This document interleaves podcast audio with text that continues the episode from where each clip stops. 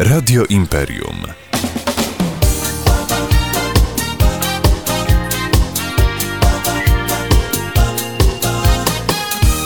Dzień dobry, Gliwice. A w radiowej szkole przyjaciół psów e, jest już pan Jacek Gołuszka, założyciel szkoły, e, trener i behawiorysta. Dzień dobry, panie Jacku.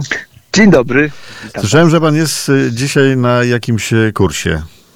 Tak, dlatego możecie Państwo słyszeć w tle śpiew ptaków, bo jestem w lesie, gdzie prowadzę kurs Super Pies. To jest kurs przeznaczony dla trudnych psów sprawiających problemy oraz ich opiekunów, rzecz jasna. No, powiem szczerze, wczoraj widziałem takiego opiekuna i chyba niezbyt trudnego psa, bo to był taki bardzo biały, mały, delikatny piesek, a pan go tak, wie pan, ciepał za przeproszeniem na tej smyczy o tą, e, e, o tą glebę, bo mówił, że on ma być grzeczny i chodzić. No coś przerażające. Stwierdziłem, że to chyba jednak nie słuchał pana. Dlatego też dzisiaj temat, który pan sobie wymyślił, mianowicie, proszę go ładnie zaprezentować. Ja, tak, ja pomyślałem sobie o tym, że e, chciałbym opowiedzieć o tym, w jaki sposób rzeczywiście motywować psa do pracy, czyli jak go nagradzać, żeby właśnie nie było takich e, obrazków, o których pan przed chwilą wspomniał. To proszę, oddaję panu, oddaję panu no, pole. E, tak mi się tutaj przypomniał, e, przypomniało stwierdzenie jednego z duńskich psychologów. On to mówił co prawda o dzieciach, ale bardzo mi to pasuje też do psów, że psy otrzymują za dużo tego, czego chcą i za mało tego, czego potrzebują. I to jest źródło ich wielu problemów. E, otóż e, my często jakby mm, traktujemy psy tak, że dajemy im wszystko to, na co mają ochotę, natomiast nie zastanawiamy się nad tym, jakie są prawdziwe potrzeby ich jako gatunku i w jaki sposób rzeczywiście pies funkcjonuje w naszym świecie, w jaki sposób się z nim komunikować i porozumiewać, żeby on chciał robić to, na czym nam zależy. Tak jak nawiązując do tej strasznej sceny, o której pan wspominał, to najwyraźniej ten właściciel małego pieska uznał, że pies powinien rozumieć naszą ludzką mowę, powinien rozumieć, co ma zrobić i poprzez jakiś rodzaj nie wiem, dyscyplinowania czy karania starał się wymusić posłuszeństwo. I to jest najgorsza droga, dlatego że pies po pierwsze nie rozumie, dlaczego to robimy, nie rozumie, co, co on właściwie powinien zrobić, ponieważ nikt tego go nie nauczył, nikt mu nie powiedział, nie pokazał tego w sposób, który byłby właściwy dla jego gatunku, czyli w jego języku, w języku psa. I teraz, y, żeby pies zechciał robić to, co my, na czym nam zależy, no to musimy mu przede wszystkim powiedzieć, y, y, co to ma być, jak to ma zrobić, tak? No i oczywiście, dlaczego powinien to zrobić. I teraz część osób już wie, że najlepszym sposobem uzyskiwania zachowań jest oczywiście nagradzanie psa, kiedy robi coś, co chcemy, żeby zrobił. I jako nagrodę rozumiemy e, po prostu podawanie jedzenia. Czyli jeśli pies na przykład usiądzie, mówimy siad, bierzemy smakołyk, prowadzimy od noska psa troszeczkę w górę, pies podążając za tym smakołykiem siada, słyszy pochwałę, dobry piesek i dostaje jedzenie. No to uczy się, że jeżeli usiądzie, to dostanie jedzenie jeśli usiądzie na daną komendę. I to jest najprostszy, najbardziej oczywisty sposób nagrodzenia psa. Najpierw naprowadzenia go, prawda, na właściwą pozycję, a następnie nagrodzenia. Tylko, że jeśli będziemy tylko i wyłącznie w ten sposób psa nagradzać, to y, pies uzależni się od widoku jedzenia w naszej ręce i nie będzie pracować wtedy, kiedy tego jedzenia nie ma. Może być też tak, że na przykład będziemy uczyć psa różnych sztuczek, czyli na przykład siadania, turlania się albo kręcenia w kółko, dawania łapki, warowania, używając y, jedzenia i będziemy to wszystko robić naraz.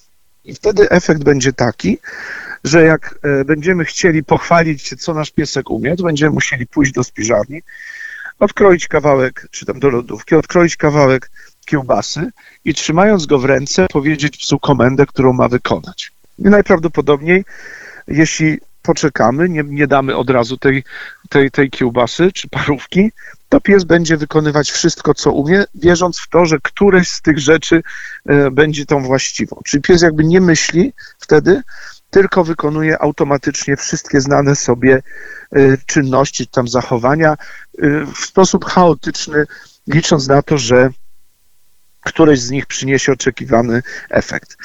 Więc dlatego e, w takim dobrym, mądrym szkoleniu psa najpierw oczywiście używamy jedzenia po to, żeby psa poinformować, co my chcemy y, od niego, czyli na przykład ćwiczymy to, niech to będzie ten siad, ale robimy to w pojedynczych sesjach, czyli nie łączymy na początku tej umiejętności siadania z innymi.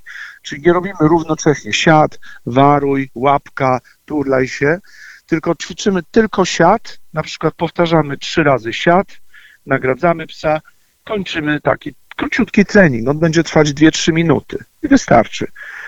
W następnej sesji robimy tylko waruj, czyli powtarzamy trzy razy waruj, później kończymy na przykład zabawą.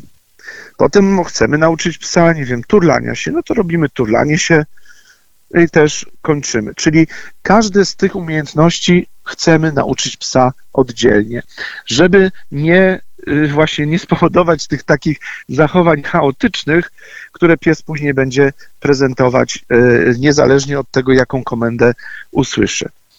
I kiedy pies już to umie, to możemy wprowadzić y, bardziej taki losowy schemat nagród, czyli nie za każdym razem nagradzać pieska i wprowadzić również inne nagrody, które będą równie atrakcyjne, jeśli nie bardziej, takie jak na przykład zabawa zabawką.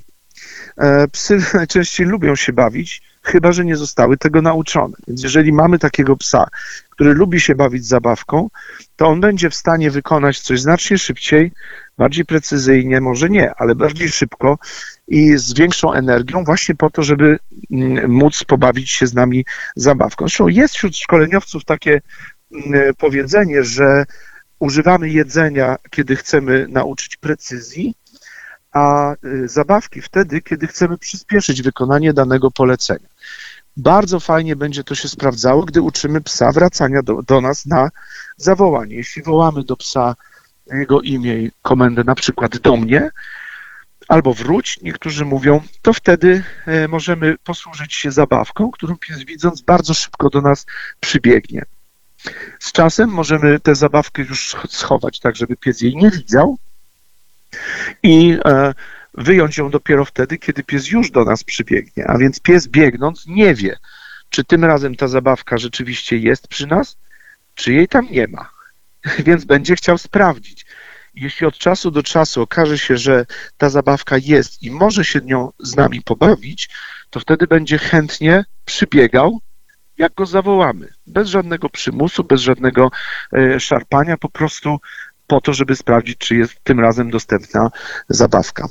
A więc y, traktując psa w ten sposób, tak, manipulując takimi nagrodami, możemy y, uzyskać od niego to, na czym nam zależy, tak jak chcemy, a jednocześnie sprawić, że pies będzie po prostu szczęśliwy, mogąc to robić, bo oczekuje na coś fajnego, co się w jego życiu może przydarzyć. Więc to jest po prostu najlepszy sposób na to, żeby, y, żeby y, uzyskać współpracę naszego psa bez strachu, bez konfliktu, bez jakiegoś niepotrzebnego y, lęku z jego strony.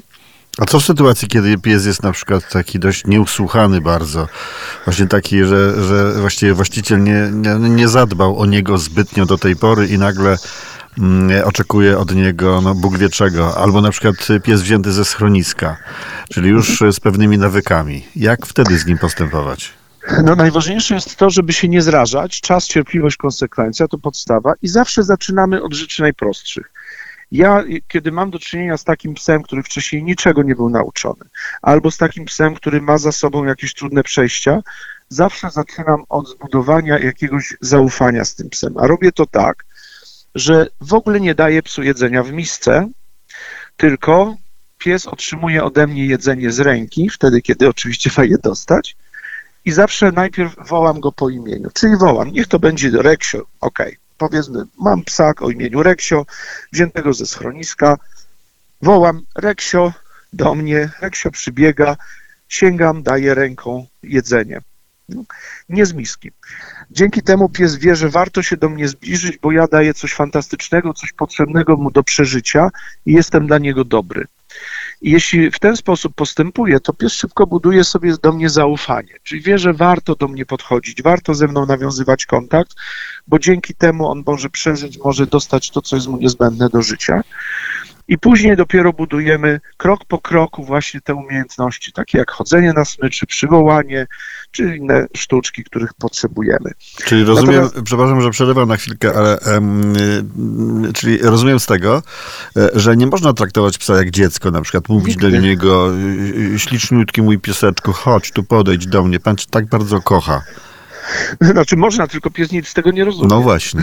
To, tak możemy sobie mówić Czyli trzeba sobie niestety e, no, z tyłu głowy mieć e, cały czas e, napisane, że pies, no to jest pies po prostu i reaguje jak pies. Tak, może nam pomóc troszkę w tym e, takie wyobrażenie sobie, jakbyśmy byli w zupełnie obcym państwie, w obcym kraju, gdzie nikt nie mówi naszym językiem i musimy się jakoś porozumieć, tak? Staramy się wtedy pokazać na przykład coś, czego chcemy, tak? Staramy się jakoś przekazać e, poza słowami te nasze potrzeby. I tak samo musimy porozumieć się z psem, który nie mówi po polsku, ani w żadnym innym języku poza psim. Rozumiem. E, Panie Jacku, a jeżeli chodzi o to szkolenie, które ma, to jaka e, czynność e, nastręcza najwięcej problemów w tym temacie?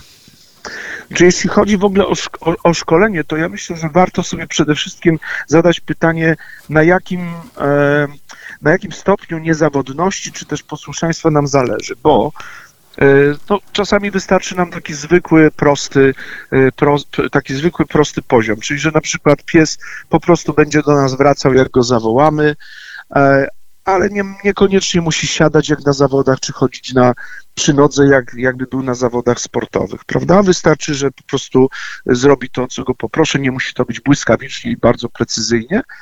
Więc e, pierwsza rzecz, ustalamy sobie nasz cel, nasz poziom niezawodności e, i to, jak, jak właściwie powinno to wyglądać, o czym, o czym myślimy, tak, z naszym psem. Dopiero wtedy, jak się bierzemy za trening, to nie działamy chaotycznie. I to jest po prostu naj, rzeczywiście najtrudniejsze, jest jakby takie uświadomienie samemu sobie, czego ja tak naprawdę od tego psa będę wymagać. No, to niezła e, na koniec e, puenta. E, Dzisiaj rozmawialiśmy z panem Jackiem Gałuszką, który prowadzi naszą radiową szkołę przyjaciół psów. Jacek Gałuszka, trener i behawiorysta, założyciel szkoły Wesoła Łapka. Dziękuję bardzo panu za Dziękuję. dzisiejszą lekcję e, i życzę no, miłego szkolenia. A ja Efektywnego, efektywnego miłego- szkolenia. Dzięki, miłego dnia dla wszystkich. Dziękuję Do bardzo. usłyszenia. Radio Imperium.